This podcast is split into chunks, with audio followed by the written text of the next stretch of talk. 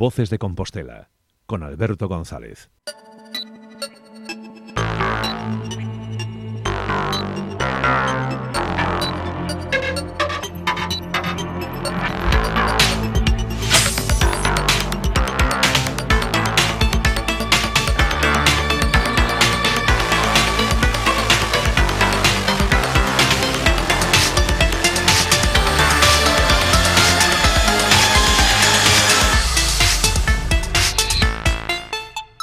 Zona Wi-Fi con Xavier Roland.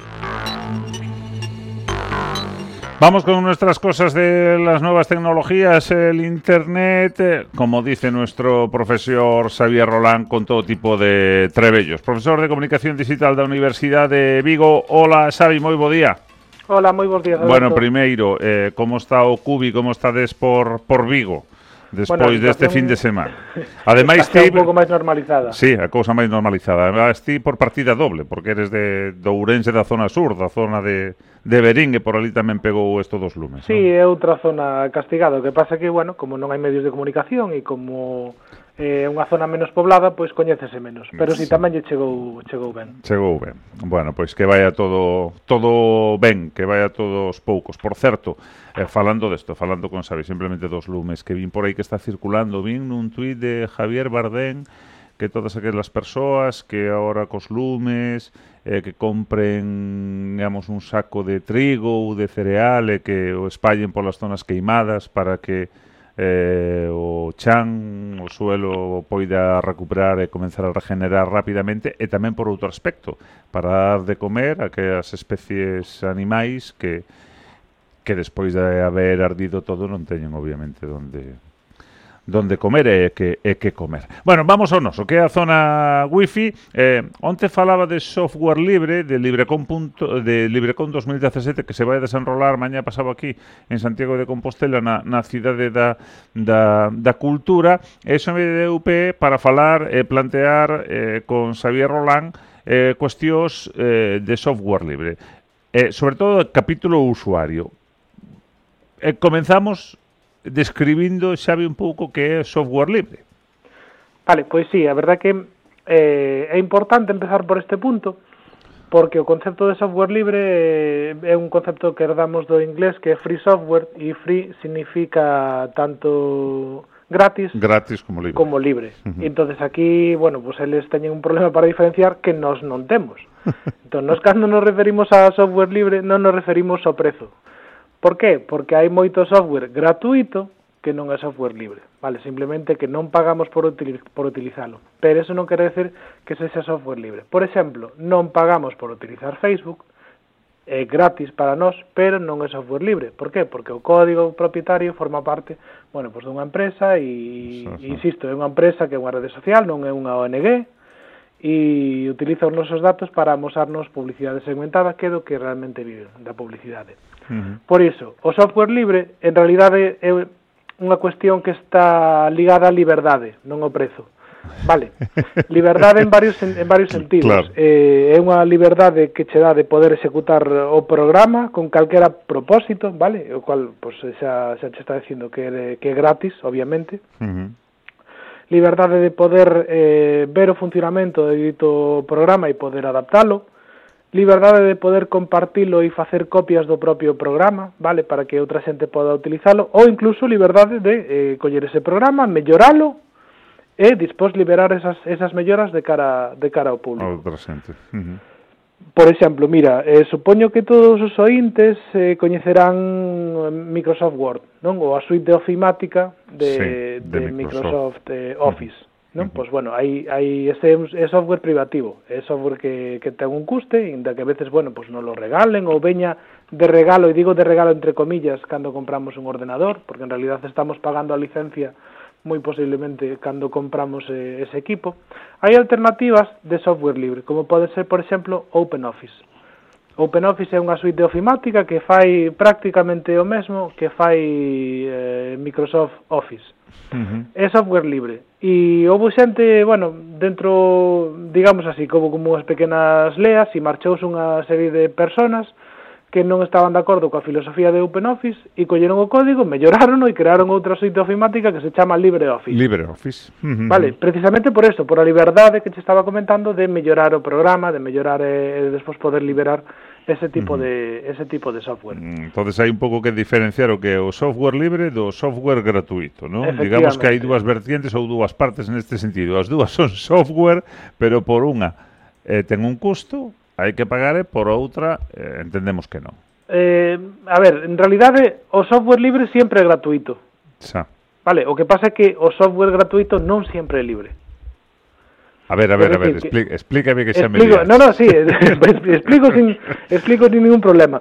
O software eh, libre sempre vai a ser gratis. Hmm Vale, eh, por, precisamente por eso, porque é software libre. Pero software gratuito non ten por que ser libre. É dicir, que un produto ou que un software se ofreza de mm. maneira gratuita non quere decir que se xa libre. Eu podo ser o propietario dese código e cobrar por outro tipo de usos derivados Sa. ou eh, e non libero ese código é eh, meu e non quero que nadie máis o vexa. Vale, aínda que eu ofreza de maneira gratuita para o usuario ese, ese software. Xa, xa, xa, xa. Bueno, antes poñía xa uns eh, exemplos, non, de do que era este software libre. Eh, aí me imagino que moitísimos máis, non? Eh, eu, C casi para cada... Casi diría, xusto, xusto, casi diría que para cada software cada... privativo hai un, vai haber unha alternativa, unha alternativa que cumple máis ou menos as expectativas que, que busca que busca o usuario. Eh, o, Empezando por o sistema operativo, que é o máis básico. O programa máis básico que trae un ordenador, o programa dos programas, É o sistema operativo, que é o que permite, bueno, pues instalar novos programas, que se podan conectar eh, os dispositivos periféricos como un computador, como, mm. perdón, como unha impresora ou calquera, calquer outro tipo de hardware. O sistema operativo máis utilizado do mundo é Windows, que é un sistema privativo. Despois temos outros eh, que, bueno, se están se empregan nun número non tan elevado de, de equipos, alrededor do 5 10% como pode ser eh, OS X, que é o sistema operativo de Mac, uh -huh. pero tamén hai unha alternativa eh, en software libre, que son os sistemas operativos baseados en Linux, vale? Linux. calquera das uh -huh. súas distribucións. Por exemplo, para que lle, mm, para que algún que queira probar ou trastear algún dos nosos ointes, pois posiblemente Ubuntu sexa a mellor opción, porque é moi parecido, a interfaz gráfica é moi parecida a Windows. Ah, uh -huh. Uh. Entonces, é moi, queden... nese sentido, xa tes unha intuición previa, por decirlo sí, de alguna sí, forma, sí, moi, para manexarlo. Sí, moi parecido. ¿no? O sea, temos este, o mismo modelo esquema de pantallas que funciona con, con ventás, temos unha ubicación dos, dos menús eh, que é moi similar ao que nos ofrece Windows, e posiblemente sexa Ubuntu unha das máis coñecidas e é unha que eu recomendo ya a todos e todas as ointes. Outra distribución, por exemplo, eh, podría ser eh, Luna. Luna é moi parecida a OS X para aqueles que usuarios maqueiros Mac. o que lle gusta o entorno de, o de, de Mac. O de maqueiros gustame. sí. Pois eu recoñezome, recoñezome Maqueiro, sí, vale? Sí, o, o, Maque, o de Maqueiro é o que utiliza Mac, Mac é o iPhone, o iPhone, o, o phone. Sí, eh, iPhone, eh, o ordenador phone. Mac, o a tableta de, de Mac e todos os, Entonces, sí, todos okay. os trebellos de, sí. de Mac. Sí, sí. Vale, pois pues hai unha distro que se chama Luna, eh, que, que é moi interesante, además é moi lixeiriña, e hai distribucións para case calquera tipo de equipo.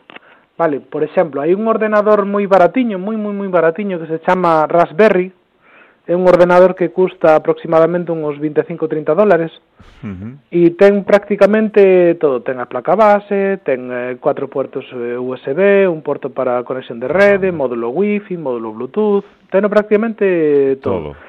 E utiliza unha versión de Linux, tamén eh, de software libre, que se chama Raspbian que é unha adaptación pois para ese para ese pequeniño ordenador, que é un ordenador, por exemplo, que pode ser interesante para que les pais que teñan nenos en idade de aprender a programar, por exemplo. Ah, moi ben. Moi ben, moi ben, que curioso. Sí, sí, sí. Contame máis cousas destas cuestións máis alternativas, de software pues mira, libre. Por sí, exemplo, sí. seguramente a maior parte dos nosos ointes e das nosas ointes es que utilizan a Adobe Acrobat PDF para ler os arquivos para ler, en, en Arquivos PDF, sí. Sí, é un software gratis, sí. É sí. software libre? Non, porque pertenece a Adobe e non vai liberar o código. Pero hai alternativas a software libre para poder ler os arquivos en PDF. Por exemplo, XPDF. Vale, un programiña que se pode buscar así en, en calquera motor de búsqueda eh, e permite facer prácticamente o mesmo que fai Acrobat eh, PDF. Si queremos navegar por internet, é moi probable que a xente utilice Internet Explorer, non? por exemplo, sí. ou Google Chrome. O Google Chrome. Vale. Uh -huh. Algunhas alternativas en software libre son, por exemplo, Firefox, que este seguramente o coñecerá moita moita sí. xente. O do zorro. Sí, efectivamente, o do, o do, o do zorro de lume, non? De aí o sí. nome de Firefox. sí. E a mí un que me gusta moito, moito, moito, moito, e recomendo encarecidamente, eh, é Opera. Ah. Ópera ou ópera, vale, non teño moi claro sí, como se claro, como claro. se pronuncia, a min gusta máis ópera, entonces por eso digo ópera. Uh -huh. E gustame moito porque utiliza o motor de o motor de Chromium, que é a versión libre de de Google Chrome. Eh, podes utilizar as extensións de de Google Chrome e ten incluídas unha serie de de accións, por exemplo, ten integrado WhatsApp para que podas traballar co WhatsApp desde o, desde o ordenador sin ter que instalar ningún outro programa. Uh eh, é un navegador moi moi completo. De feito, se che parece, Alberto, podemos facer un día algún especial sobre navegadores. Ah, ben, sí, por os ¿vale? tipos de navegadores que hai. Por os tipos de navegadores, os catro, digamos. Usos. Nada, sí. xa, xa apuntamos para o próximo programa. Sí, anotámoslo sí, se sí, queres sí, para, sí, para sí. o vindeiro programa ou para, bueno, cando queiras. Pero sí que é un sí, tema sí, super interesante. O dos navegadores, eh, que diferencias hai, que extensións hai, que cousas podemos facer.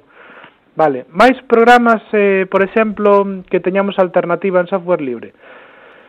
Moitos ointes eh, utilizarán para xestionar o seu correo un cliente de correo electrónico, por exemplo, Microsoft Outlook, mm. vale? Por exemplo, pois aqueles que utilizan un cliente de software libre eh, privativo poden utilizar algún cliente de software libre como, por exemplo, Thunderbird. Eh, si antes falábamos de Firefox como zorro de lume, bueno, sí, neste caso sería eh. Thunderbird o pasaro de, Pas do trono. sí, non? sí. Ou outro que é máis fácil de pronunciar, que é Evolution. Ah. Vale, prácticamente hai, eh, o sea, insisto, hai casi unha alternativa en software libre para cada software eh, gratuito.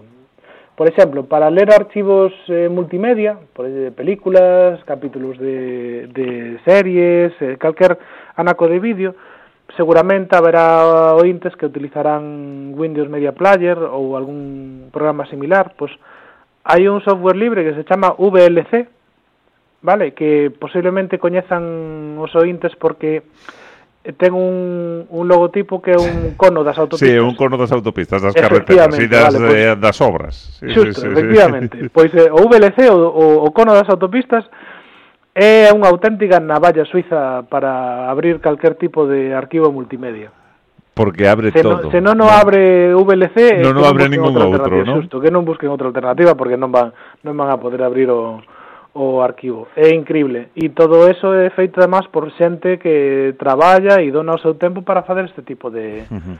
este tipo de software. Eh, de feito, pois nós aquí na radio habitualmente un servidor usa ese, ese programa. De feito, fai un momento estaba emitindo que, mira, escoito, isto que estamos escoitando ante a reforma do sistema Remate, de financiamento e que o faga. Que a sesión parlamentaria desta mañá no Parlamento, Parlamento Galego, o Pleno do Parlamento, si efectivamente, e por certo, Sama Núñez Feijó, Ana Pontón, Villares, Leizaga, xa, xa marcharon da, da sesión, pois isto que escoitamos eh, está na página web de, do Parlamento de Galicia, e eh, aí hai un link a TV, eh, nos, bueno, colles o, digamos, o link, eh, premes no, no link, E o abres precisamente sí, co, e abrelo este perfectamente programa, como, como VLC, sí, sí, porque sin traga tipo todo. Problema. Sí, sí, sí. É unha navalla suiza. Sí, sí, sí, sí, sí. sí. Máis cousas de máis cousas, todo Uf, software alternativas libre. eh, sí. as, as que queiras, de verdade, Alberto, as que queiras. Un, porque... Claro, porque é que para, para cada eso, para cada mm, software hai as dúas vertientes, non? Que sí, por exemplo, a, a, eh, eh, retoque fotográfico, que é algo que lle pode interesar a moita Sí, sí. xente. E O hai moitos sí. usuarios que utilizarán Photoshop. sí, o Photoshop, que sí, para salir guapos nas, nas fotos, sí, sí, sí. Sí, eh, para salir guapos ou para quitar esas lorzas da barriga ou... Sí, algo que non funciona con algún, sí. bueno, que hai, a ver, tú podes pedir un retoque de Photoshop, pero hai xente que pide milagros. Sí, claro, eh, no, non pode ser milagros. Se non tes no. pelo na cabeza, eh, que, che que teñen que poñer pelo, bueno, a, a, tamén é certo que hai mestres de mestras do Photoshop, vale? que hai xente que, que traballa co Photoshop sí, home, realmente esto, artistas. as publicacións en Ola e demais e, son, eh, efectivamente. Eh, son auténticas, mara, auténticas esos, maravillas. Esos son vos, son vos exemplos. Dime. Pois eh, Photoshop é un, é un programa de pago. De feito, tiña un modelo... Que é de Adobe, eh, non é de Adobe. Sí, Photoshop, é de Adobe. E que antes falábamos de Adobe, do PDF, Adobe ten un montón de de sí, programas ten, ten sentido, moitísimos sí, sí. programas, vale? Sí, sí. Si queres fotografía, Photoshop, eh, si queres diseñar un folleto Illustrator, se queres facer unha película Premiere, vale, todo é software de de Adobe, pero sempre de, hai alternativas. De feito, per, un, per, per, perdón, xa un exemplo, eh, a Voz de Galicia utiliza un programa de Adobe eh, para facer o xornal. Para facer o xornal, a maquetación seguramente. Sí, sí, a maquetación, sí, de xornal. Uh -huh. Que posiblemente sexa InDesign. Efectivamente. Ves, ves como controlo a... Sí, a sí, de, no, de home, por, por eso te chamamos eh, a Voces de Compostela. Se si non controlas, non, non habría forma de falar contigo. Vale, pois pues mira, falamos de Photoshop, que é o sí. software máis empregado para edición fotográfica. Eh, alternativa gratuita, GIMP. GIMP. Como sona, GIMP. G-I-M-P. GIMP. Ah, moi ben. Moi ben. Eh, máis cousas. Eh, dentro desto de software libre, eh, estamos a falar de moitos programas eh, para ordenador, para tablet, bueno, tamén para o propio smartphone, pero directamente no, no teléfono móvil eh, se pode utilizar software libre, é recomendable, non nos recomendas? Sí, sí, sí que se pode utilizar software libre. Bueno, o que claro, pasa é que cando o sea, falamos por... de software libre no teléfono móvil, eh, a pregunta é, hai O teléfono móvil pode ser software libre? Eh, sí e non. Vale, eh, digo que sí, porque sí que é certo que, por exemplo, se vende Android como un sistema libre, libre. que mm. non é libre, que é de Google. Sí, sí, sí. Vale, e libera unha parte, pero non libera todo, todo. o código de, de Google. Entonces eu non o incluiría como software libre. Sin embargo, sí que hai algunha alternativa en software libre que podría ser eh, que podría ser interesante, o que pasa que eu vexolle pouco recorrido. Vale, falamos de Firefox como un navegador eh, de escritorio, Pois Firefox tamén diseñou un sistema operativo para móviles. É un sistema operativo que consume moi pouquiños recursos uh -huh. e que serviría para teléfonos moi sinxelos, pero eh, xa cando naceu, naceu con, con algunhas eivas. Por exemplo, WhatsApp negouse a facer unha aplicación para, para Firefox OS, E se WhatsApp, que é a aplicación de mensaxería máis empregada no mundo, uh -huh. con contadas excepcións, como por exemplo o caso de Xapón, pois se WhatsApp se che dice que non, pois posiblemente estás eh, clavándolle prácticamente as tablas do ataúde a este sistema operativo. Xa. Xa. Pero bueno, sí que hai alternativas de telefonía móvil baseada en software libre. Mm. Despois sí, obviamente, despois sí que temos eh, aplicacións que podemos instalar no, en Android que sí que son de, de software libre. Uh -huh. Vale. Eh, para fechar a sección de OSE desta zona wifi con Xavier Rolán, onte falábamos precisamente con un dos membros da mm, Asociación Galega de Softga, de Software Libre, eh, Agasol, deste sí, evento Agasol. que hai mañá pasado aquí en Compostela, Librecon 2017, non sei se vai a vir o profesor Xavier Rolán ou ten pensado pasar por aquí ou non pois, é posible. A ver, Me gustaría moito ir, pero por cuestións de, de axenda non, non vai poder ser, non podería chegarme a, a Santiago, bueno, por cuestións de, de docencia e outros uh -huh. e outros asuntos que tiña xa previamente planeados. Pero sí que un sí que un si evento re, Si recomendas para o público, para, para sí, os sí, que sí, non sí, somos sí, especialistas como eu nesta cuestión. É que para isto non fai falta ser especialista para que te interese o software libre. Eh, Xa. calquera persona que use informática ou que use calquer tipo de trebello informático eh, pode estar interesado neste tipo de, de software. E non fai falta ser programador nin desenvolvedor de, de aplicacións para que poidas asistir a este tipo de eventos. De feito, eu recomendo encarecidamente a aquelas persoas que teñan interese neste mundillo que se acheguen. Que se non teñen moita idea, posiblemente haberá moitas cousas eh, que lle sonarán a chino ou directamente pois non entenderán. Pero do pouquiño que sí que entendan, seguro que lle vai a, a saltar unha chispa da curiosidade e van a empezar a bueno, pois a coñecer xente e a empezar a trastear e coñecer máis máis cousiñas deste deste sector. De feito, posiblemente aí estén representadas as principais asociacións de, de software libre, pois como como a Gasol, que ben acabas uh -huh. de, de citar, ou posiblemente da, da Oficina de Software Libre da Xunta de Galicia, que dentro da Antega pois tamén ten tamén ten como un pequeno departamento que se eh, bueno, que lle dá un pouco de pulo a este tipo de software libre. De feito son as institucións públicas as primeiras que deberían apostar polo software libre. Por certo, este mundo da informática, vou no decir así, eh, se se poidera un día digamos, eh, mm, eh, non investigar, non falo de investigar, introducirnos de todo tipo de tecnología que se desenrola aquí en Santiago de Compostela, na cidade da cultura, porque hai un montón de empresas traballando neste sentido, algunhas traballando directamente para a administración, eh, personal propio da administración, outros non, que digamos como irnos ao futuro, pero o futuro, eh, futuro, futuro. Sí, eh? sí, sí, sí.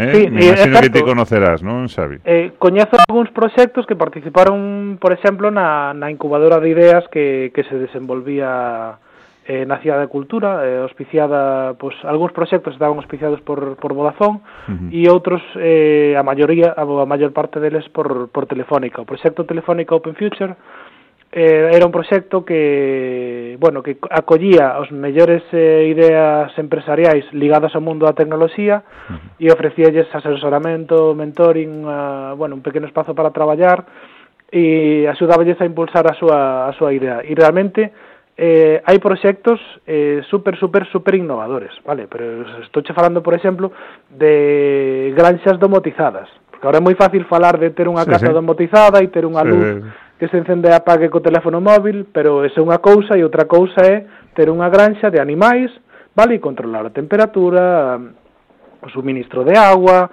eh, saber cando lle tocan as vacinas ou calquer tipo de tratamento que lle xa quedar personalizado aos animais, vale, ou por exemplo, facer eso mesmo, ter domotizadas as nosas costas e ter bollas no mar, que se estén indicando e dando datos que de outra maneira pois non poderías non poderías ter hai un proxectos super super interesantes na Cidade da Cultura e moitas veces son descoñecidos para para o público. Se queres outro día facemos sí. un especial sobre este tipo de, de proxectos innovadores que nacen, que moitos deles nacen en Galicia. Veña, si tenemos temos tempo para facelo todos os mércoles aquí co profesor Xavier Rolán, profesor de Comunicación Digital da Universidade de Vigo contándonos sempre cuestións relevantes e interesantes, eh, digamos, para para informática doméstica, eh? por decirlo da, de algunha forma.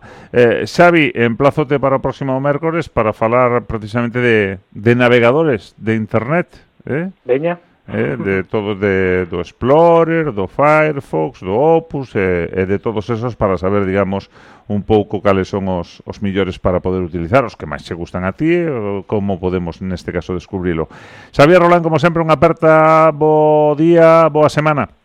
Igualmente Alberto, moi boa semana.